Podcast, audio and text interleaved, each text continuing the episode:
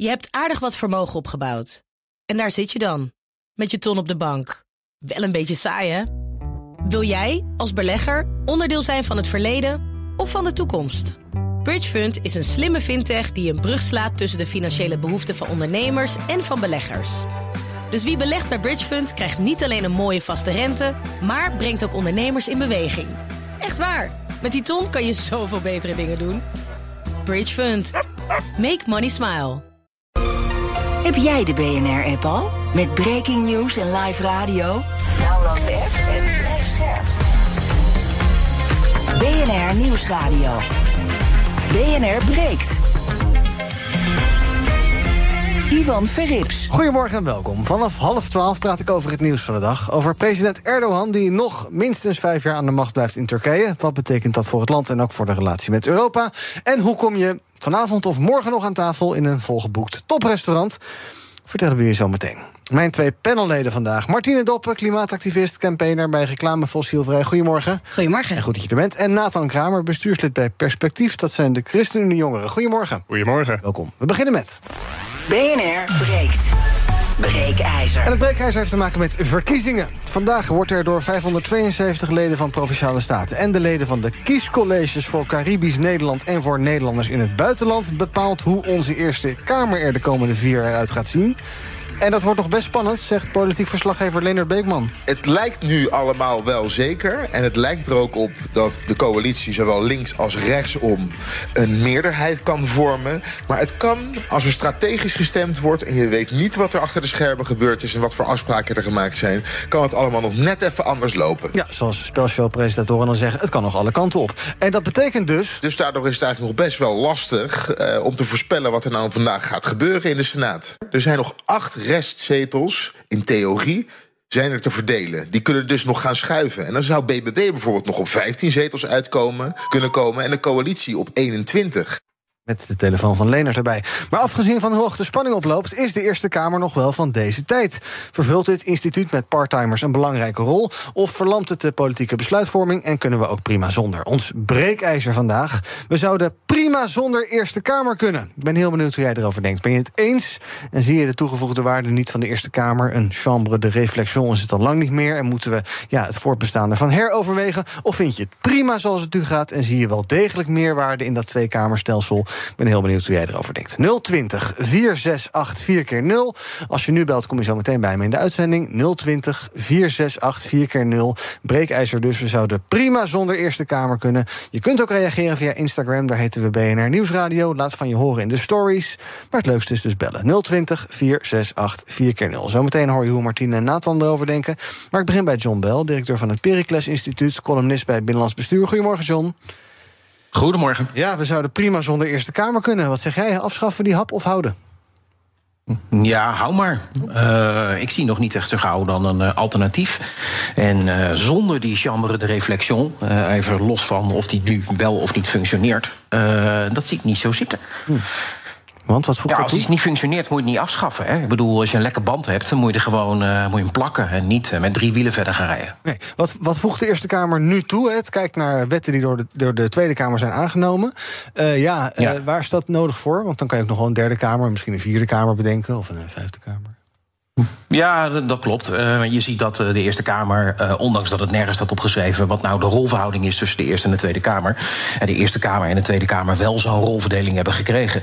Daar waar de Tweede Kamer veel meer focust op, nou ja, waardeafweging, het meer politieke debat en ook urgentie, probleemdefinitie, zie je dat de Eerste Kamer met wat meer afstand, met wat meer rust.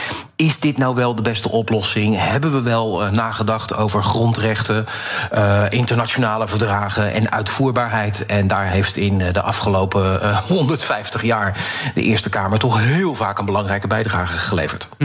We praten zo verder ook over de details, ook over, nou ja, is de Eerste Kamer nog wat het ooit bedoeld was om te zijn? Eerst nog een in mijn panel. Martine, wat vind jij ons breekijzer? We zouden prima zonder de Eerste Kamer kunnen.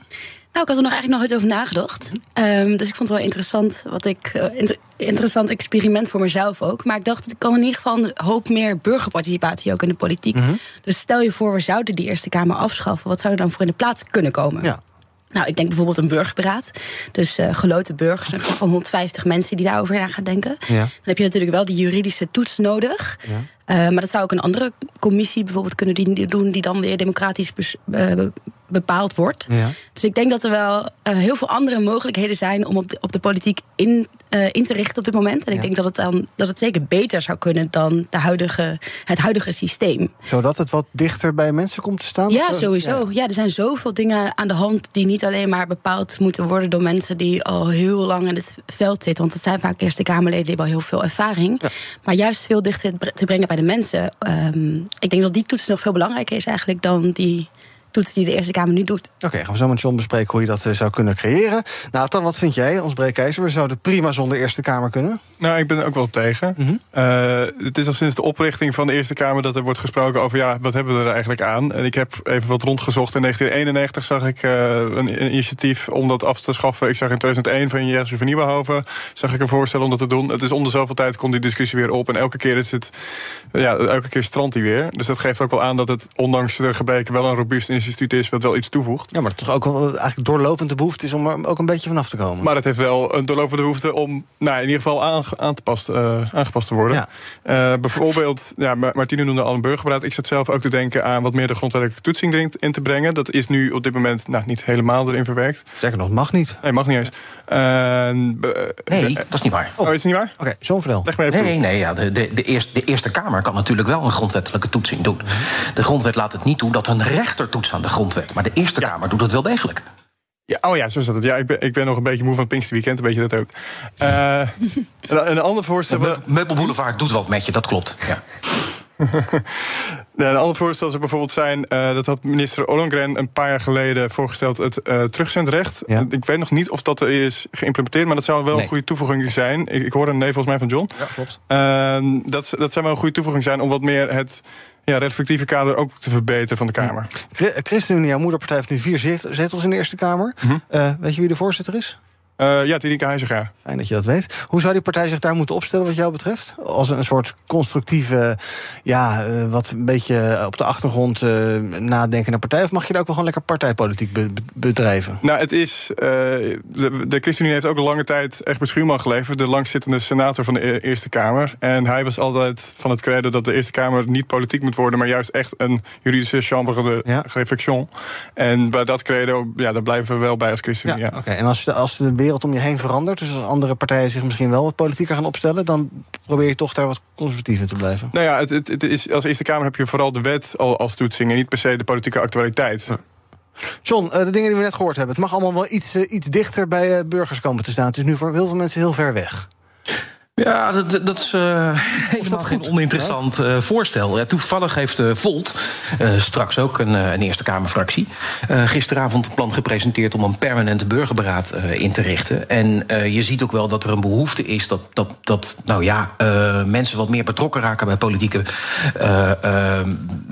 politieke beleidsvorming. niet zozeer als het besluit is genomen, maar ook bij beleidsvorming. Dus dat is geen gek idee. Maar ik ben ook blij dat Martine zelf zegt dat je die juridische toetsing nog wel moet hebben.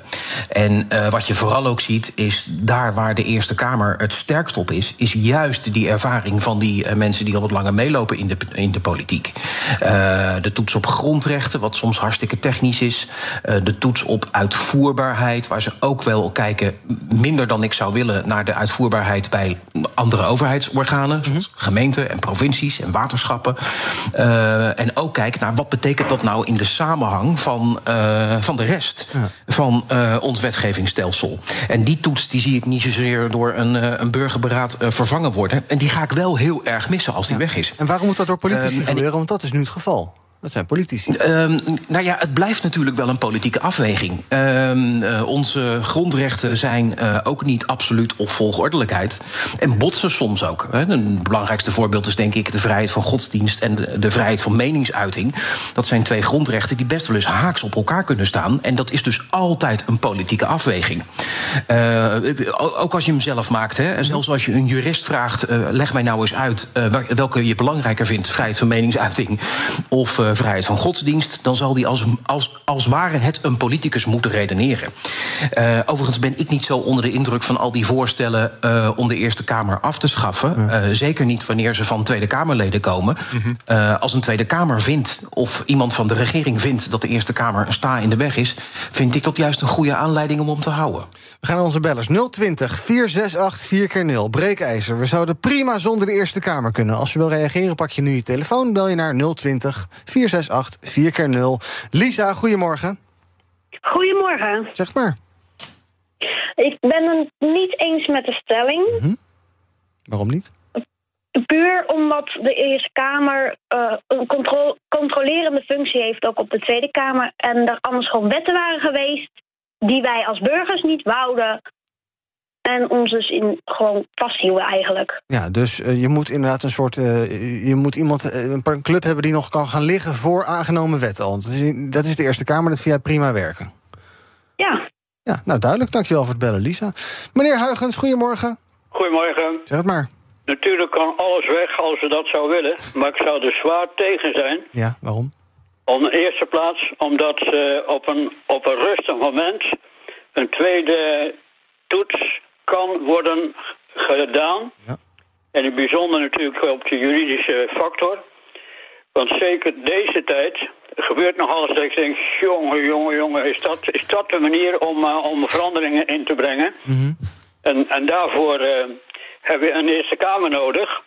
En het is natuurlijk al eerder gebeurd, maar ik heb al eerder horen zeggen... als die wens zou komen uit de Tweede Kamer... dan moet je daar zeker niet op ingaan. En ik kan begrijpen dat natuurlijk uh, de, eerste, de Tweede Kamer wel zegt... jongen, ja, ja, maar nu die er wel is... Moet, weten ze ook zeker dat er nog een tweede uh, toets volgt. Dus zullen ze ook een beetje voorzichtig zijn... in een, in een goed besluit nemen. Ja. En dan andere, of dat nou een burgerraad alsjeblieft niet.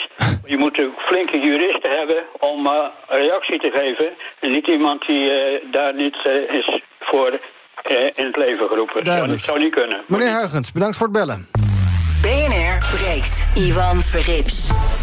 Met vandaag in mijn panel Nathan Kramer van Perspectief... de ChristenUnie Jongeren, Martine Doppen van Reclame Fossielvrij... en ook bij hem is John Bell, directeur van het Pericles Instituut... columnist bij Binnenlands Bestuur. We praten over ons breekijzer. We zouden prima zonder de Eerste Kamer kunnen. 020 468 4x0. Nu bellen, kom je zo meteen in de uitzending. John, ik zag uh, uh, parlementair historicus Bert van der Braak... die schreef ergens in een stuk dat hij het gevoel had... dat de afgelopen jaren de Eerste Kamer veel politieker is geworden. Uh, en dat ook bijvoorbeeld het kabinet in het maken van wetten en dergelijke... al veel meer rekening houdt met... goh, wat gaat er in de Eerste Kamer gebeuren... terwijl dat misschien idealiter eigenlijk niet het geval zou zijn. Ben je het daarmee eens met die analyse? Ja, ja, dat ben ik met Bert eens. Uh, en dat, dat kan ook niet anders, want hij heeft het vooral in zijn laatste boek heel netjes gedocumenteerd. Ook wat er veranderd is in het laatste jaar in de Eerste Kamer. En dat heeft natuurlijk ook alles te maken met dat het niet meer gebruikelijk is dat de fracties in de Tweede Kamer die een coalitie vormen, een automatische meerderheid hebben in de Eerste Kamer. Dat, is, dat is veel anders geworden. Uh, en dan zie je dus ook dat uh, er wat meer politiek bedreven wordt in, in de Eerste Kamer dan in de Tweede Kamer. Ehm, overigens, een veel belangrijker uh, oorzaak daarvan is denk ik dat uh, zeker de laatste jaren de coalities uh, onder Rutte wel heel erg potdicht hebben gezeten. Die hebben heel erg gedebatteerd met de kaarten tegen de bos. We vinden dit gewoon. en ja, we hebben niet zoveel zin om op uw tegenargumenten in te gaan. En uh, ja, dan zie je dat ook een Eerste Kamer, die toch even wat meer afstand heeft van zo'n gebruikelijke coalitie, uh, ja, dat wat meer opengooit. Ja, um, ja dan, dan, zie je dus dat, dat, dat die, die tweede lezing die de Eerste Kamer uh, aan een, een debat in de Tweede Kamer geeft, toch ook wel zijn, zijn functie heeft, ook wanneer het politieker wordt. Ja, vandaag dus verkiezingen. Waarom stemmen eigenlijk provinciale statenleden op Eerste Kamerleden? Wat is dat voor gekkigheid? Ja, uh, dat is iets uit het geschiedenis. Dat is wel iets waar je kritisch naar mogen kijken. Uh, ik zou daar liever een andere oplossing uh, voor zien. Uh, de Eerste Kamer is er ooit eens een keertje gekomen... omdat men vond dat de, ja, hoe zal ik het zeggen... de adel, de elite, wat meer de koning in bescherming moest nemen... tegen de morris van de volksvertegenwoordiging. Ehm, ja, uh, we zijn niet zo goed in stelselwijzigingen in dit land. Dus hebben we het maar gewoon aangehouden dat de statenleden, waar toch wel meer de notabele Nederlanders in zaten, uh, de uh, Eerste Kamer kiezen. Uh, ja, als je kijkt naar onze moderne democratie, dan zou je daar echt wel een verandering in aan moeten brengen. Bijvoorbeeld door ze te laten kiezen door gemeenteraadsleden. Ja, want heb je er veel meer. Veel, veel bredere. Ja, dan uh, heb je uh, een, een, een, volgens mij veel duidelijker stem van uh, daar waar de bevolking beleid het meeste merkt. Dat is in de gemeente. je hebt veel meer betrokkenheid van lokale politici. Hè. Een derde van alle raadzetels die wordt tenslotte door een lokaal politicus be bekleed. en dat maakt ook de samenstelling, denk ik, wat minder voorspelbaar van de Eerste Kamer. Waardoor het zich veel meer als een tegenmacht tegen de Tweede Kamer en de regering kan opstellen. Ja. Martina, als we kijken naar een onderwerp wat jij heel belangrijk vindt, klimaat. Wat, wat verwacht je dan van, uh, van de Eerste Kamer? Nou, ik maak me daar wel erg zorgen om. Ja. Nu met de BBB, en de, die zo groot is in de provincie. Uh -huh. Dus ik vind het helemaal niet zo'n heel raar idee om dat meer bij de gemeentes neer te leggen ook. Maar dat is natuurlijk ook puur politiek, omdat het nu zo is uitgevallen. Ja. Maar ook buiten dat denk ik dat het wel democratischer is, omdat het dichter bij de mensen ook staat. Ja. Um, en ik denk gemeentepolitiek begrijpen mensen ook meer dan poli provinciale politiek. Dus dan heb je ook dichterbij. Wat... Ja, precies. Ja. ja. Uh, maar ik maak me heel erg zorgen als het gaat over de klimaatcrisis en de biodiversiteitscrisis. Ja, dat snap ik. En welke ja. rol zou een Eerste Kamer daarin moeten spelen, wat jou betreft? Zou je zeggen van je moet ook wetgeving daarin gaan toetsen, bijvoorbeeld? Welke gevolgen dat heeft voor. Zeker, ja. Ik zou het bijvoorbeeld een heel goed idee vinden als het ook wordt getoetst wat, de, wat het effect is van een wet op toekomstige generaties. Dus dat zie je ook al wel dat daar, ja. dat daar een aantal uh, experimenten worden gedaan. Dat je eigenlijk een lege stoel krijgt uh, aan tafel waar dan de toekomst op zit. en dat die een, hele, een hele zware rol krijgt. Dus ik denk dat dat soort dingen heel belangrijk zijn. Juist nu de komende tijd. Waar, ja, het is echt alles of niets nu. We hebben echt heel weinig tijd nog te verliezen. Dus we moeten dit soort dingen in gaan zetten om, ja, om dat nog klimaatbestendig te krijgen. Ja. Um, dus ik denk, ja, dat zoiets. En veel meer burgerparticipatie denk ik sowieso dat het goed is. Omdat het ja, niet politiek is. Politieke spel gaat er dan vanaf. Men, en het is niet zo dat je dan random burgers vraagt... hey, uh, wat vind je van deze wet? Nu uh -huh. vandaag beslissen. Ja. Maar dat is echt... Uh, 150 mensen worden at random gekozen. En die krijgen negen maanden, worden ze voorbereid. Worden daar ook voor betaald als een baan. Diepgaand proces. Een heel diepgaand ja. proces met onafhankelijke uh, adviesraden die daar... En, en, en allerlei burgerbewegingen die, die vertellen over het onderwerp. En dan wordt er dus een, een enorm democratisch proces. Daarna wordt een beslissing gemaakt. Ja. En dat is ja, er komen gewoon, als je kijkt naar de experimenten die daarmee worden gedaan, komen er hele goede dingen uit. Nathan, dus. als we kijken naar die. Wat is dat anders dan een Tweede Kamer? Um, het politieke spel gaat er heel erg vanaf. Ik, ik, ik heb het gevoel dat het nu heel erg gaat over. Niet? Sorry? Wedden van niet.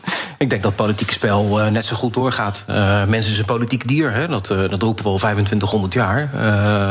ja, maar die mensen hebben geen, geen publieke rol per se. Ze zijn niet bekend bij iemand. Ze hebben geen belang dat mensen dat ze populair blijven. Want het is een negen maanden proces en het wordt, wordt, elke keer wordt er een nieuwe groep gekozen. Dus het is, je kan het bijvoorbeeld inzetten als je, je hebt een bepaald probleem, dat is die klimaatcrisis. en je wilt burgers vragen voor bijvoorbeeld negen, negen adviezen aan de overheid over een bepaald probleem. En dan ga je in een proces van negen maanden leren die burgers alles over dat probleem. Uh, zonder inmenging van bedrijven of nou, wel belangengroepen vanuit burgers. En aan het eind geven ze dan um, advies aan de overheid. Ja. En de overheid kan bijvoorbeeld zeggen: hey, ik geef jullie het mandaat dat ik zeven van de negen van het advies wat jullie geven ga, uh, ga, ga, ga doorvoeren. Oké, okay, en die mensen hoeven natuurlijk ook geen rekening te houden met hun herverkiezing. Nee, Gaan jullie even aan elkaar ja. koppelen, dan kan je er later ja, even discussiëren. Dat een goed idee. Nathan, als we even kijken naar die Eerste Kamerleden, dat zijn nu parttimers. Hè? Dat is een ja. baan eigenlijk voor twee dagen per week in principe, soms wat meer. Of wat minder, nou meestal meer. Um, uh, zou dat uh, de mensen die dus ook nog een andere baan erbij hebben, zou dat misschien een voltijdsbaan moeten worden als je dat serieus, serieuzer wil nemen? Of is dit wel prima? Is het juist goed dat die mensen nog met een poot in de samenleving staan? Nou ja, het fijne van een voltijdsbaan zou ook zijn dat je dan niet iets sneller de belangen ook verstrengeld vanuit de lobbyclubs ja. en dergelijke waar je dan bij zit. Eens, hè? Mensen die inderdaad een functie hebben, ja, wat ook een beetje kan botsen met het werk dat ze in de Eerste Kamer doen. Ja, en een raad van bestuur hier en een voorzitter daar, dat is, dat is heel uh, veel voorkomend in de Eerste Kamer. En dat, ja, dat, dat, dat botst continu.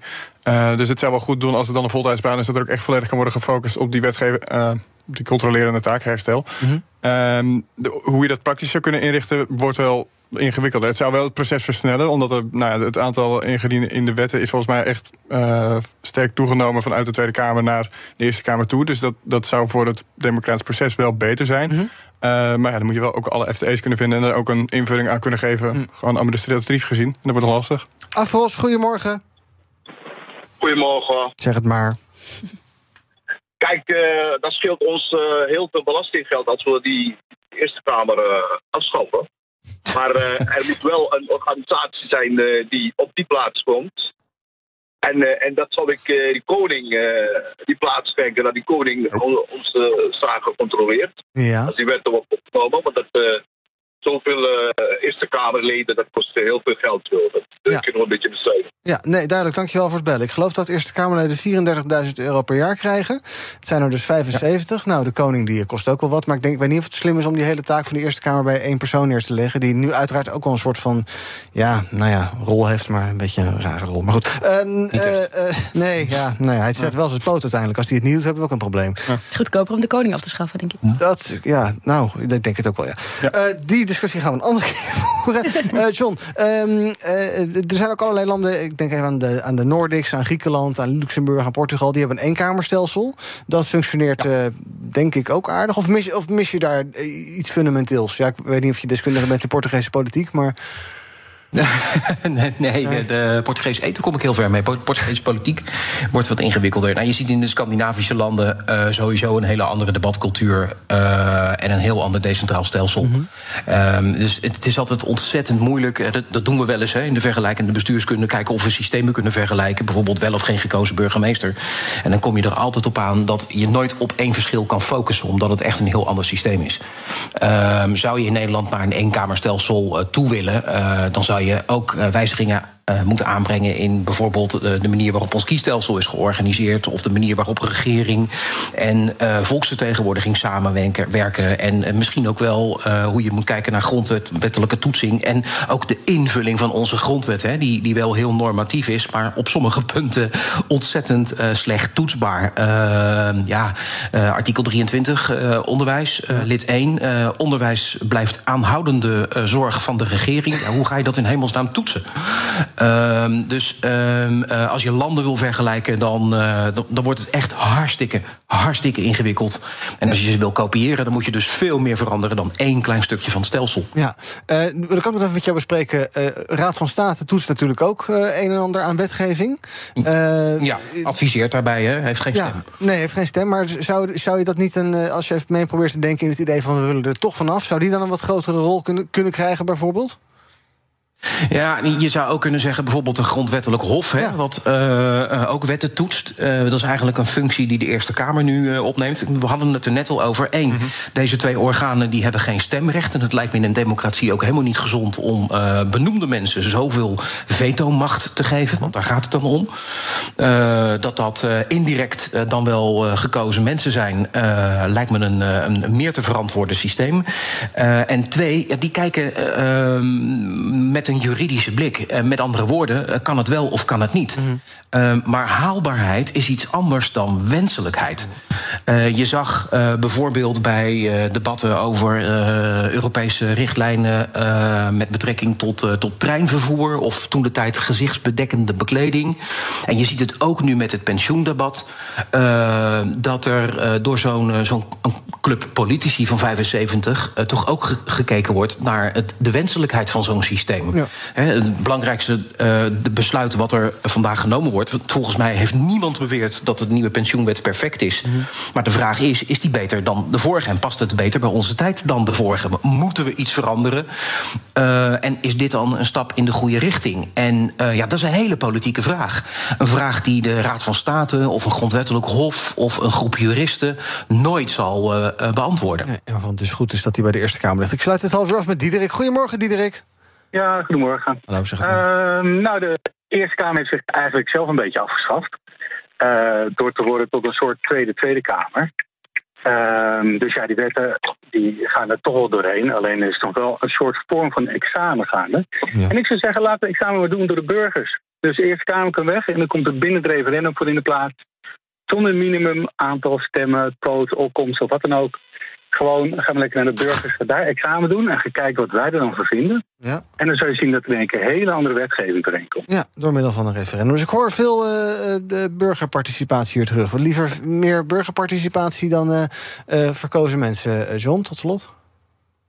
Ja, uh, ik, ik, moest wat, wat ginniken om uh, zonder, zonder uh, randvoorwaarden en opkomst. Een, een correctief bindend referendum. er, ligt, er ligt een voorstel, hè, de initiatiefwet van Renske Leijten. Dat wordt binnenkort in de Eerste Kamer besproken. En dan, als die akkoord gaat, zou er wel eens een correctief bindend referendum kunnen komen. Dan heb je dus een, een extra veiligheidsklep in onze democratie. Is te overwegen waard. Uh, maar je zult daar toch ook wel een opkomstdrempel in uh, moeten hebben. Uh, we hebben in Rotterdam ooit een keer een correctief referendum gehad over sociale woningbouw.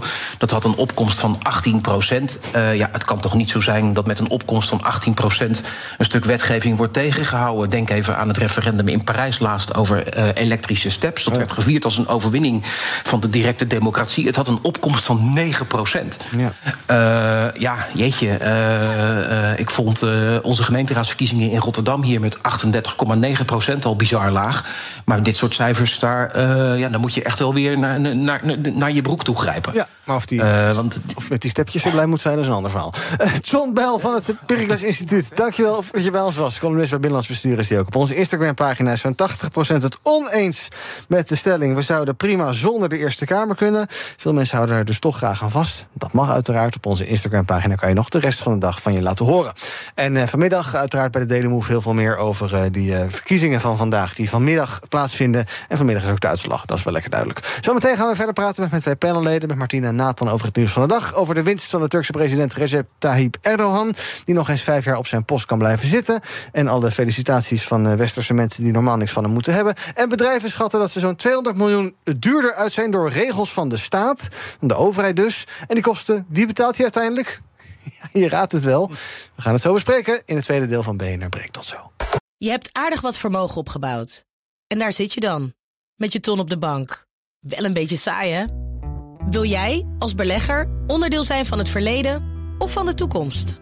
Bridgefund is een slimme fintech die een brug slaat tussen de financiële behoeften van ondernemers en van beleggers. Dus wie belegt bij Bridgefund krijgt niet alleen een mooie vaste rente, maar brengt ook ondernemers in beweging. Echt waar! Met die ton kan je zoveel betere dingen doen. Bridge Fund. Make money smile. 50.000 bedrijven moeten rapporteren over duurzaamheid. Een nachtmerrie zonder software. En de beste CSRD-software komt uit Nederland. Wij maken nu startklaar in drie maanden. Demo en offerte op www.mastersustainability.today. BNR Nieuwsradio. BNR breekt. Ivan Verrips. Welkom terug bij BNR Breekt. In mijn panel vandaag Nathan Kramer, bestuurslid bij Perspectief, de ChristenUnie Jongeren. En Martine Doppen, klimaatactiviste, campaigner bij Reclame Fossielvrij. We gaan praten over het nieuws van de dag. En we beginnen met Turkije. Want gisteren gingen de Turken de straat op om de winst van president Erdogan te vieren. En dat deed hij zelf ook, zingend.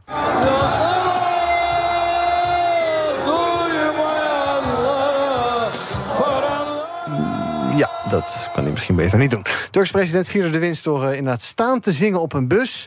Want de komende vijf jaar heeft hij het opnieuw voor het zeggen als president van het land. Met 52% van de stemmen geeft meer dan de helft van de Turken hem opnieuw het vertrouwen.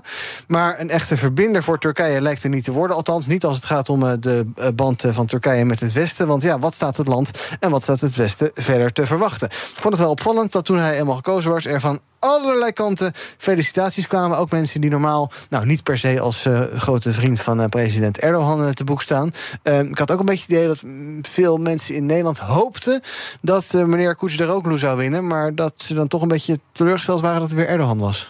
Ja, dat denk ik ook. Ja. Ik denk dat heel veel mensen um, hoopten dat Erdogan dat het zijn laatste jaar was, het afgelopen jaar. Ja, maar toch ja. niet. Nee, toch niet. En ik, denk, ik vraag me ook dus af hoeveel mensen buiten Turkije op Erdogan hebben gestemd. Mm -hmm. Uh, want ik heb het idee dat er juist ook best wel veel mensen in het Westen daarop hebben gestemd. Ondanks dat ze niet goed begrijpen wat het betekent uh, om in een land te wonen waar Erdogan aan de macht is. Ja, ik heb het even opgezocht. Uh, Erdogan, Nathan. Graag gedaan. Ja. Uh, Realtime. Erdogan heeft 59,4% van de internationale stemmen gehaald. En is niet in elk land met, het, met de Turkse populatie evenredig verdeeld. En in West-Europa is te zien dat vooral Erdogan de, de boventoon heeft, heeft gevoerd. Maar in Canada en de VS zijn ja, Turkse expats die daar woonden, die hebben vooral op Kılıçdaroğlu gestemd. Hm. Dus het zou nog best wel kunnen dat het dus door de, bui- de stemmen buiten Turkije... dat het net de doorslag heeft gegeven. Ja, ik geloof in landen als Nederland en Duitsland inderdaad meer dan de helft naar eh, Erdogan.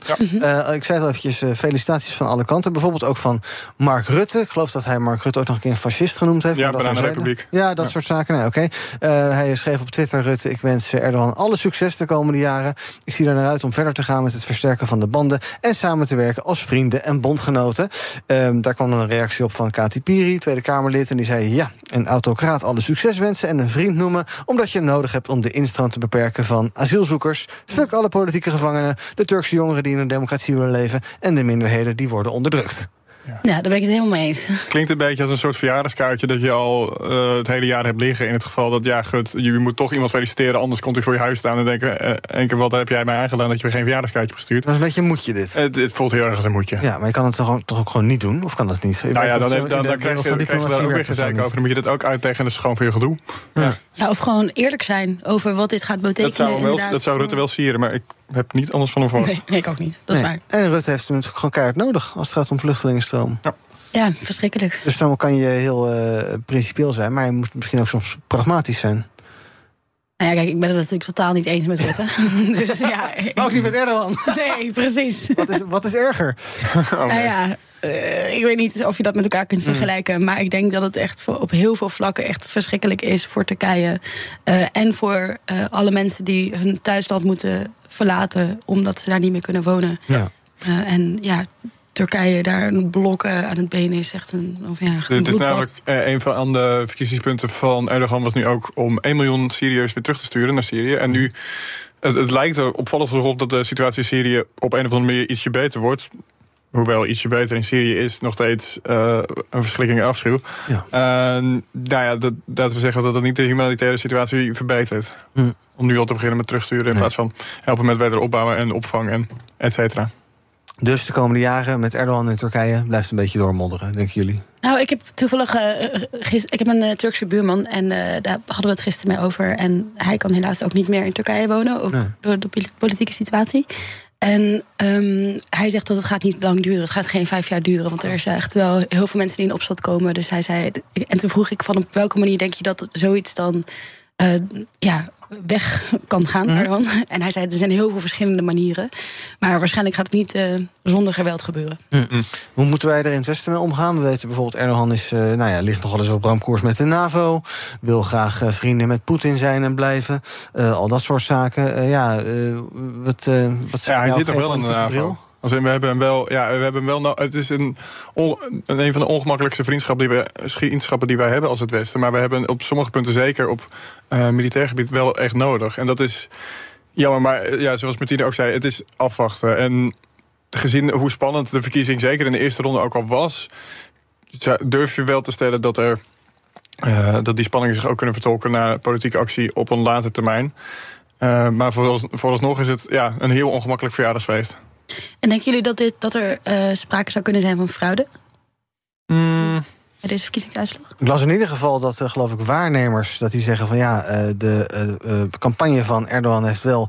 ehm, eh, heeft, te maken gehad met onrechtmatige voordelen... zeggen Europese verkiezingswaarnemers. Dan moet je denken bijvoorbeeld vooringenomenheid in de media... beperkingen van de vrijheid van meningsuiting... maar ook verhalen die je hoorde in aanloop naar de verkiezingen. Ja. Dat er was geloof ik een nieuw gasveld gevonden of iets dergelijks... en daarom kregen alle Turken, ik zeg het even uit mijn hoofd... ik weet niet of het klopt, maar alle Turken, alle huishoudens... kregen dan één maand gratis gas. Nou, dat Ja. zijn natuurlijk een soort cadeautjes, ja. Ja, precies. Ja, of dat dan, eh, ik geloof niet dat daadwerkelijk de uitslag in eh, twijfel wordt getrokken. Maar dit zijn natuurlijk wel zaken die misschien niet helemaal eh, lekker democratisch verlopen. Nee, precies.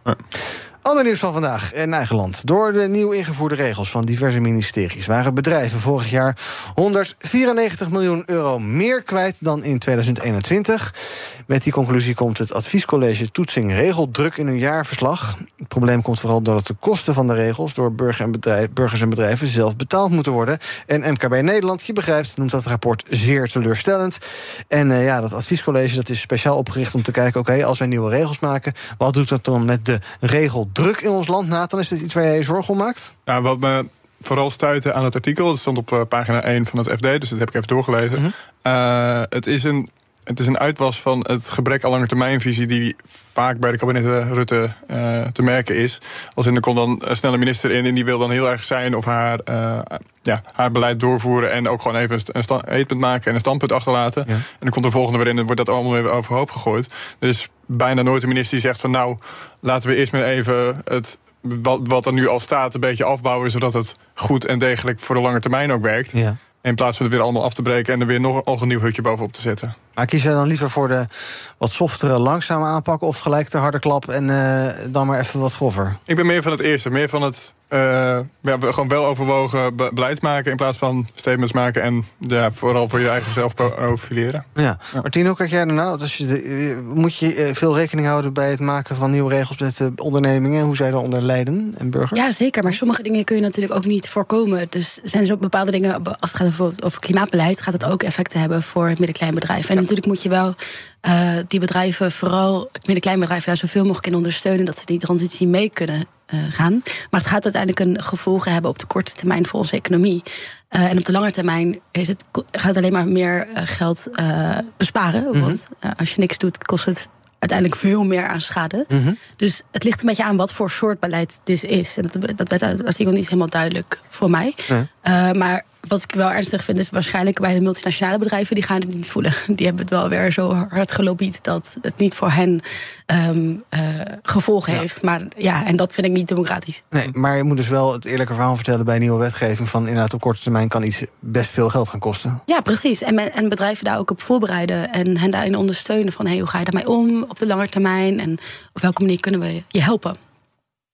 Je hebt aardig wat vermogen opgebouwd. En daar zit je dan met je ton op de bank. Wel een beetje saai, hè? Wil jij, als belegger, onderdeel zijn van het verleden of van de toekomst? Bridgefund is een slimme fintech die een brug slaat tussen de financiële behoeften van ondernemers en van beleggers. Dus wie belegt bij Bridgefund krijgt niet alleen een mooie vaste rente, maar brengt ook ondernemers in beweging. Echt waar, met die ton kan je zoveel betere dingen doen. Bridgefund. Make money smile. 50.000 bedrijven moeten rapporteren over duurzaamheid. Een nachtmerrie zonder software. En de beste CSRD-software komt uit Nederland. Wij maken nu startklaar in drie maanden. Demo en offerte op www.mastersustainability.today. BNR breekt. Ik weet dat hij gebruikt hebt, maar oké. Okay. Je hebt er zin in, dat is fijn. Zometeen om 12 uur dus. Ja, wat zijn we zeggen? Ja, begin van de week. Ja, nee, heel goed. Geen maandag. Hoe vaak komt dat voor? Goed, vier dagen werk ook maar. Heerlijk. Oké, okay, we gaan kijken naar wat jullie is opgevallen in het nieuws. Martine, um, ja, uh, even terugblik op uh, afgelopen zaterdag. Ja, ja de afgelopen A12. zaterdag stonden we er weer. Ik zie niet heel veel blauwe plekken. nee, klopt. Dus dat valt mee. Nee, ik ben wel flink aangepakt, maar wel? totaal onterecht. Ik vond echt het, de, het, de, het geweld van de politie echt. Uh, noem je het? Onproper... Disproportioneel. Disproportioneel, ja. dankjewel. Bij jou of in beetje, Ja, bij mij ook. Ik werd echt... Uh, we wilden een performance gaan doen. Uh, we wilden als clowns uh, een performance gaan doen... om wat licht te brengen en wat liefde te geven en vrolijkheid. En juist een beetje het geweld te deescaleren. En ik was nog bezig met mijn omkleden en mijn smink opdoen... terwijl ja. ik van achter gewoon echt met heel veel geweld gepakt. En gewoon echt soort van in de houtschip. Want ik schrok natuurlijk enorm. Dus ik ja. was ook een beetje zo van aan de thee, wat, wat is dit? Dus het was echt anders dan, dan de andere keren vond ik het geweld meer. In ieder geval wat ik zelf heb ervaren. Nare ervaring dus. Ja, en ik heb dat ook bij andere mensen gezien. En het werd ook, normaal gesproken konden we veel langer blijven zitten en werd het veel rustiger. En, en uh, werden we opgepakt. Ja. En nu was het echt in één keer, moest het allemaal heel snel. En werden we in, door de politie uh, aan beide kanten echt helemaal, helemaal in, in, in het nauw gedreven. -huh. En dat, dat merkte je gewoon ook heel erg in de groep. En ja. uh, iedereen bij Extinction Rebellion is totaal vreedzaam en geweldloos. -huh.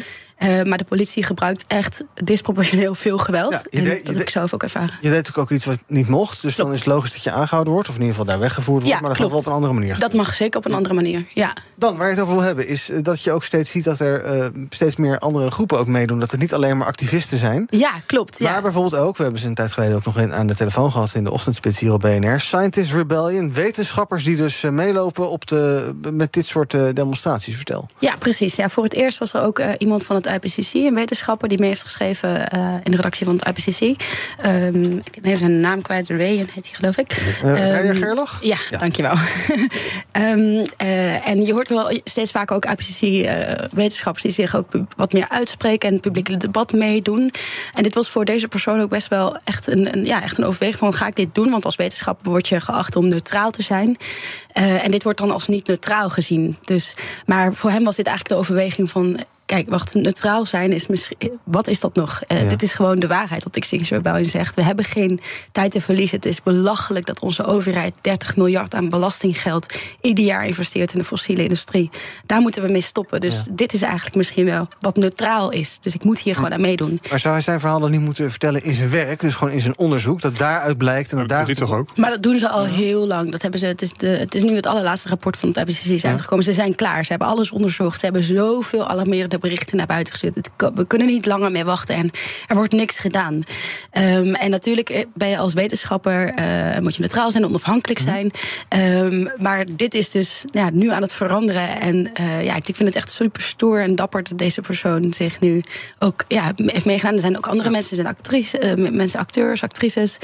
Um, uh, artsen, verpleegkundigen, dat zijn ook allemaal mensen die worden gezien als: oké, okay, we hebben een neutraal beroep, we zijn er voor allemaal. Ja. Maar dit is juist een neutrale keuze. Dit is waarom, dit is, we zijn er voor allemaal. We ja. moeten dit juist doen voor het collectief, om, ja. onze, ja, om ons leven te beschermen. Je noemde al even die uh, Rijer Gerlach, die klimaateconoom zei, die uh, op de vraag of hij niet bang is om zijn geloofwaardigheid te verliezen, zei hij het volgende. Ja, die angst heeft iedere wetenschapper. En op een gegeven moment maak je de afweging: wat is erger? De angst om mijn krediet te verspelen, of het idee dat ik misschien toch de verantwoordelijkheid niet heb genomen die ik misschien ook heb.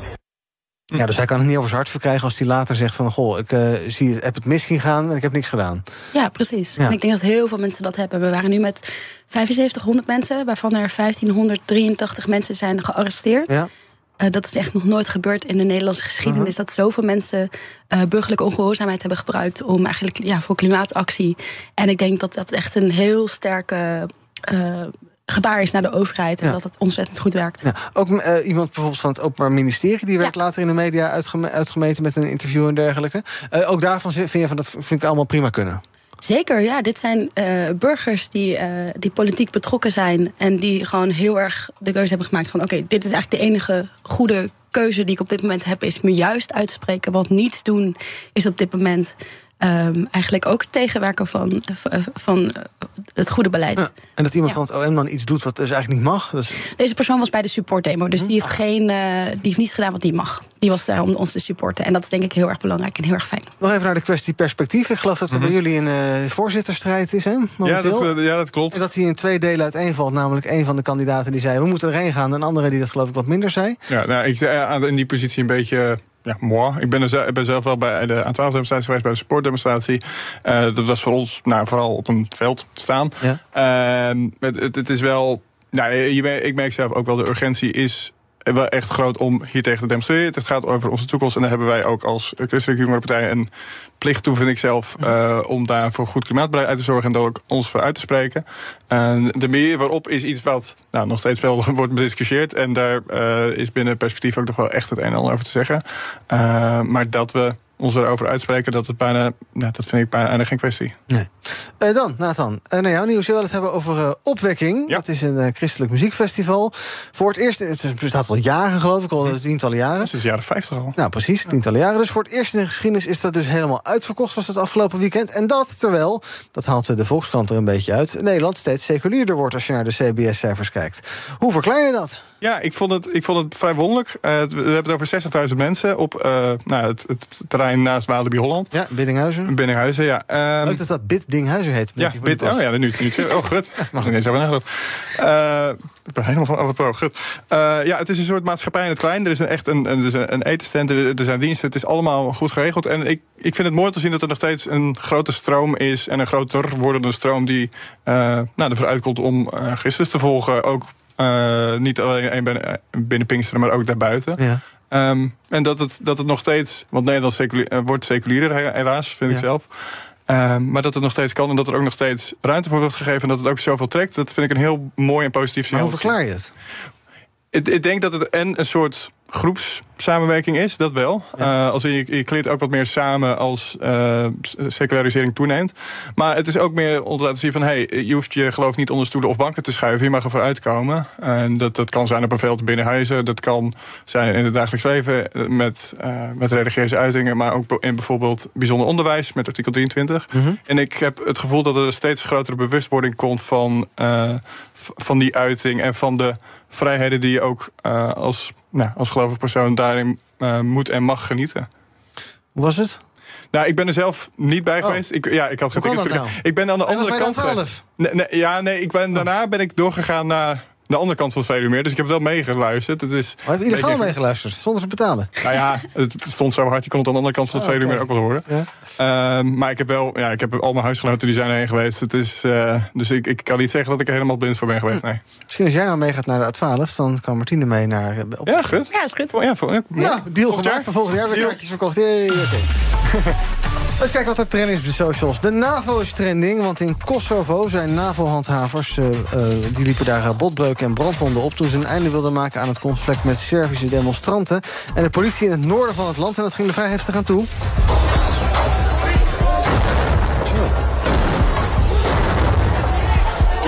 Dat klinkt eerder als een uh, speelfilm, maar het is toch echt uh, in Kosovo inderdaad. Dan is in Japan trending Shotaro Kishida. De zoon van de Japanse premier. Die treedt af in zijn functie na ophef over een eindejaarsfeestje... in de officiële residentie van zijn vader dus. Op uitgelekte foto's is te zien hoe de groep... de officiële uh, groepsfoto van de benoemde kabinetten probeert te, probeert te imiteren. En ook bijvoorbeeld staan ze voor het spreekgestoelte... waar persconferenties zijn. En daar is nu wat ophef over. En dus is deze Shotaro Kishida, 32 jaar, afgetreden in zijn functie. En Britney Spears. Ja. Die heeft op opnieuw contact met haar moeder Lynn.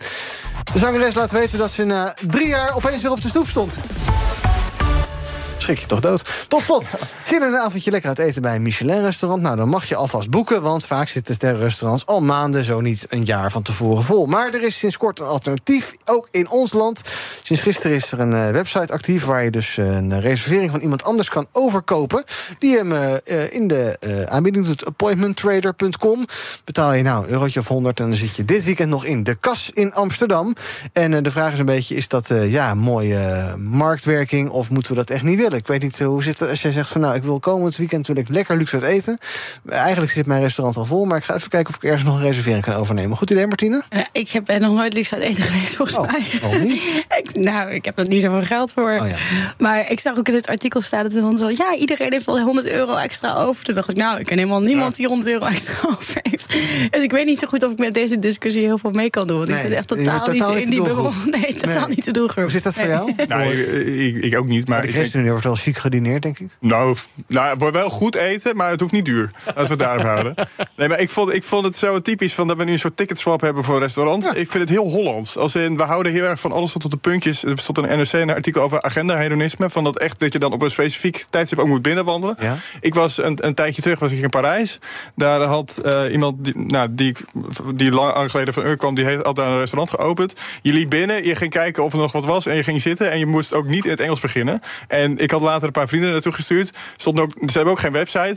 Dus je kan ook niet reserveren. Je moet gewoon open. En het is echt op de Bonnefoy, op zijn Frans. Een kop houden en eten. Kop houden en eten. En het was lekker, goed en bezig. En het was ook eens goedkoop. Nou, dan denk ik van, waarom hebben wij in Holland dan zo'n gedoe erom gemaakt? Luister eventjes mee naar de eigenaar van de website. Want er is natuurlijk veel commentaar op die site. Maar de eigenaar reageert als volgt. Waiting has nothing to do with an efficient market. Like that, uh, you know, in the Soviet Union, anyone could get a car.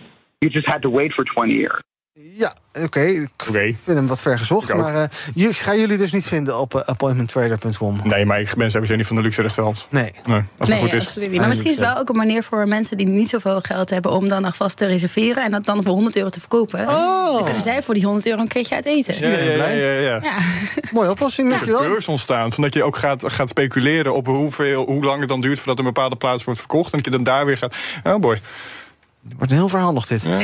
Dankjewel, Martine Doppen en Nathan Kramer. Fijn dat jullie er waren. Morgen ben ik er weer met BNR Break. Tot die tijd volg je ons via de socials. En als je de radio aan laat staan, is zometeen Thomas van Zel hier met Zaken doen. Tot morgen. Je hebt aardig wat vermogen opgebouwd. En daar zit je dan, met je ton op de bank. Wel een beetje saai, hè? Wil jij, als belegger, onderdeel zijn van het verleden of van de toekomst?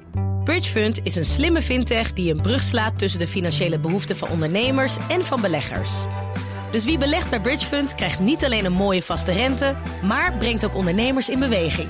Echt waar. Met die ton kan je zoveel betere dingen doen. Bridgefund. Make money smile.